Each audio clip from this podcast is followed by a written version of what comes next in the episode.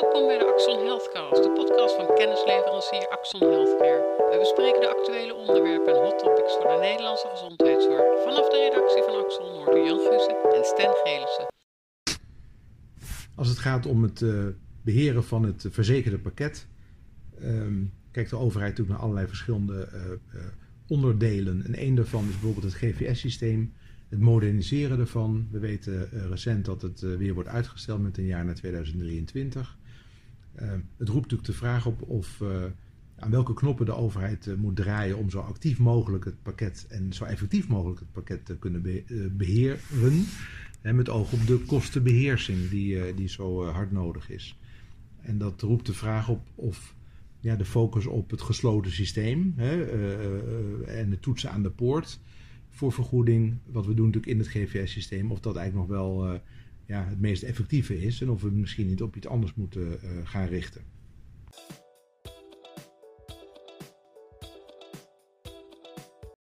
Misschien goed om eventjes stil te staan bij wat die modernisering van het GVS-systeem inhoudt. Stan. Ja, zeker. Dat, het houdt eigenlijk in dat alle geneesmiddelen, alle clusters in, die in dat GVS nu zijn opgenomen voor het eerst sinds 20 jaar, daar worden de vergoedingslimieten weer van herberekend. En dan zul je zien dat er sommige clusters worden ingekort, dat er wat uh, geneesmiddelen uit verdwijnen, sommige vergoedingslimieten omlaag gaan, enkele andere omhoog.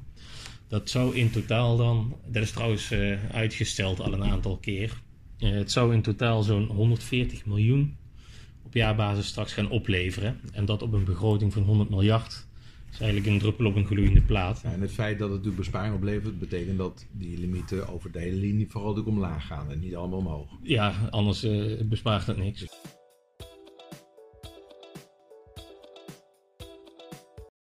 Nou, uh, die, dat, die modernisering zou dus uh, wat besparen.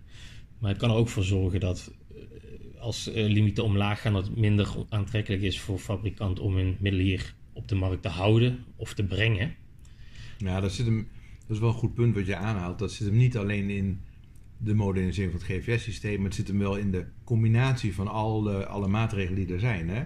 En het is natuurlijk de stapeling van alle mechanismen. Het is natuurlijk niet alleen de druk dan weer van verlaging op een aantal clusters binnen het GVS-systeem. De WGP. De WGP die werkt natuurlijk door en weer met Noorwegen een weer sterker. We kennen het preferentiebeleid nog eens een keer daarbinnen.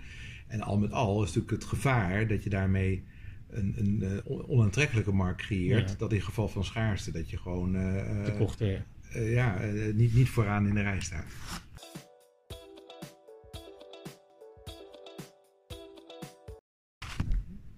Nou, uh, dat, dat GVS dus is een onderdeel van het verzekerde pakket. En daar gaat in, in, in uh, vergelijking tot wat er allemaal aan zorg automatisch instroomt in het pakket, uh, relatief weinig geld in om, weinig kosten in om. dus dat moderniseren zeiden we net al dat, dat er niet zoveel oplevert. Het draagt iets bij, maar het is ja. niet, niet de ommekeer. En de nee. vraag is dus eigenlijk ook, zou de focus niet op dat open systeem waar zorg automatisch instroomt moeten liggen. Of uh, om de kosten te beheersen in ieder geval. Of zou je op een andere manier niet de kwaliteit beter kunnen waarborgen door te denken... kan ik aan de poort anders toetsen om doorlooptijden te verminderen of te verlagen? Misschien moeten we sowieso even een stapje terug maken. Omdat uh, we focussen nu vooral natuurlijk op uh, het vergoede pakket hè, aan, ja. aan, aan, geneesmiddelen in deze discussie.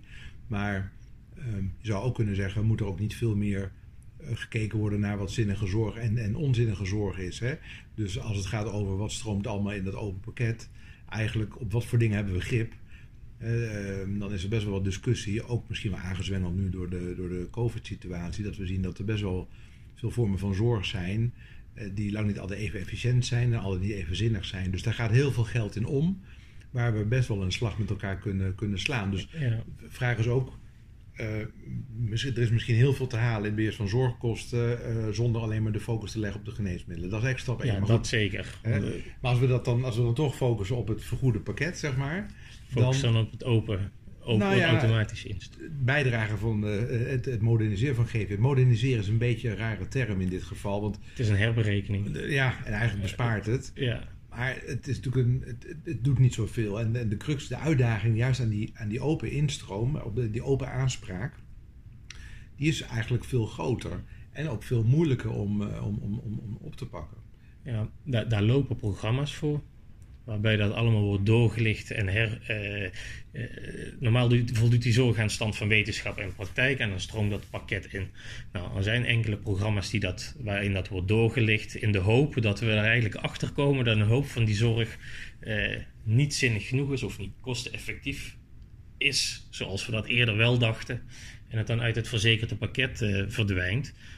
De eerste resultaten van zo'n programma Zinnige Zorg zijn binnen.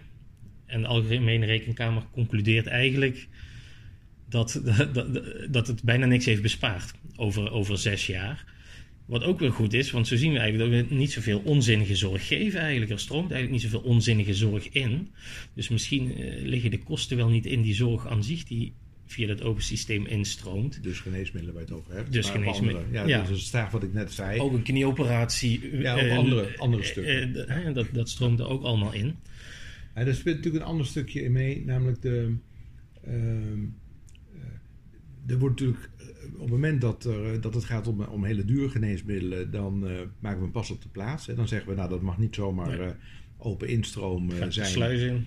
Sluis in, of hè, daar, daar, gaan we even op toetsen of het überhaupt wel voldoet ja. aan die stand van wetenschap en praktijk. Of als het een add-on medicatie is, waar dan uiteindelijk ook de CIBAG naar kijkt, in ja. de zin van. Uh, ja, is het... Uh, Kosteneffectiviteit van het geneesmiddel. Nou ja, dat is eigenlijk dat is niet toetsen aan uh, nee. wetenschap en praktijk. Nee. Maar nee. In de, uh, uiteindelijk komt het er vaak wel op neer dat er steeds meer op die kosteneffectiviteit dan wordt getoetst. Um, dat is eigenlijk raar, hè? want wie zit nou dan op de stoel van, van, van, van, van, van wie? Hè?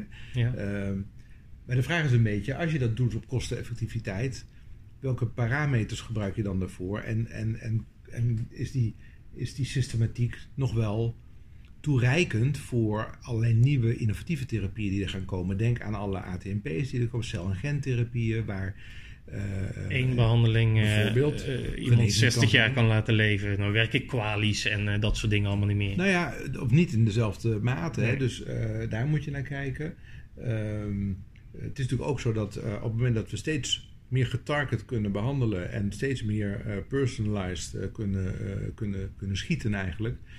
Um, maakt ook dat het vaak steeds moeilijker wordt op het moment dat we voor kleine groepen patiënten um, iets kunnen ontwikkelen wat hartstikke mooi is, maar dat het heel moeilijk is om in klinisch onderzoek grote groepen patiënten bij elkaar te krijgen. Hè? Dus mm -hmm. die fase 3 trials die worden steeds moeilijker om voor elkaar te krijgen, met als gevolg dat je afhankelijkheid van het verzamelen van data in, in, in de real world, hè, dus de real world data, um, ja, die wordt steeds belangrijker. En dan zie je dat het toetsen aan de poort op voorhand, op basis van een dossier, eigenlijk Bijna ook steeds onmogelijk is. Ja, althans, er zijn heel veel gevallen waar dat steeds moeilijker gaat ja. worden.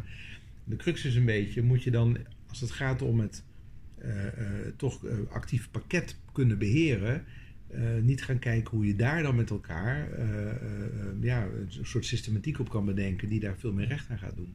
En dat is één deel van dat verhaal. Hè? Dus dat, dat, dat bij die innovatieve behandelingen die niet allemaal op de markt komen, dat toetsen aan de poort heel moeilijk is. Je hebt weinig gegevens. Maar van een heleboel zorg die gewoon andere zorg dan geneesmiddelenzorg, zal ik zeggen, moet je daar misschien wel een toetsing aan de poort gaan doen. Knieoperatie A versus B. En uh, uh, ja, dus oren uitspuiten wel of niet. We zeggen, je moet eigenlijk ook focus ook op andere stukken van de zorg gaan ja. leggen.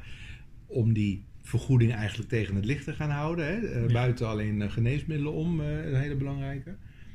Overigens het feit, want ik kan me ook nog voorstellen dat doorlooptijd van het beoordelen aan de poort alleen maar langer duurt. Op het moment dat het ook alleen maar moeilijker wordt, hè? minder dossiers, oh, et cetera. En ik, misschien is de onderliggende crux ook wel dat wij denken nog steeds in kosten. Mm. Terwijl um, eigenlijk zou je uh, een soort financiële waarde, economische waarde, een economische waarde moeten toekennen aan gezondheidswinst. Dan zit je ja. heel anders in dat systeem. Want naarmate het, de toegang voor een patiënt langer duurt tot een geneesmiddel, dat je kan zeggen, ja, dat bespaar je kosten uit. Je kan ook zeggen, nee, dat kost de maatschappij geld, omdat die persoon zieker minder snel, hij wordt zieker, hij kan minder snel ja. in het, in het uh, arbeidsproces draaien, et cetera. En misschien is dat wel de sleutel naar de toekomst toe, om op een andere manier uh, naar beoordeling te kijken.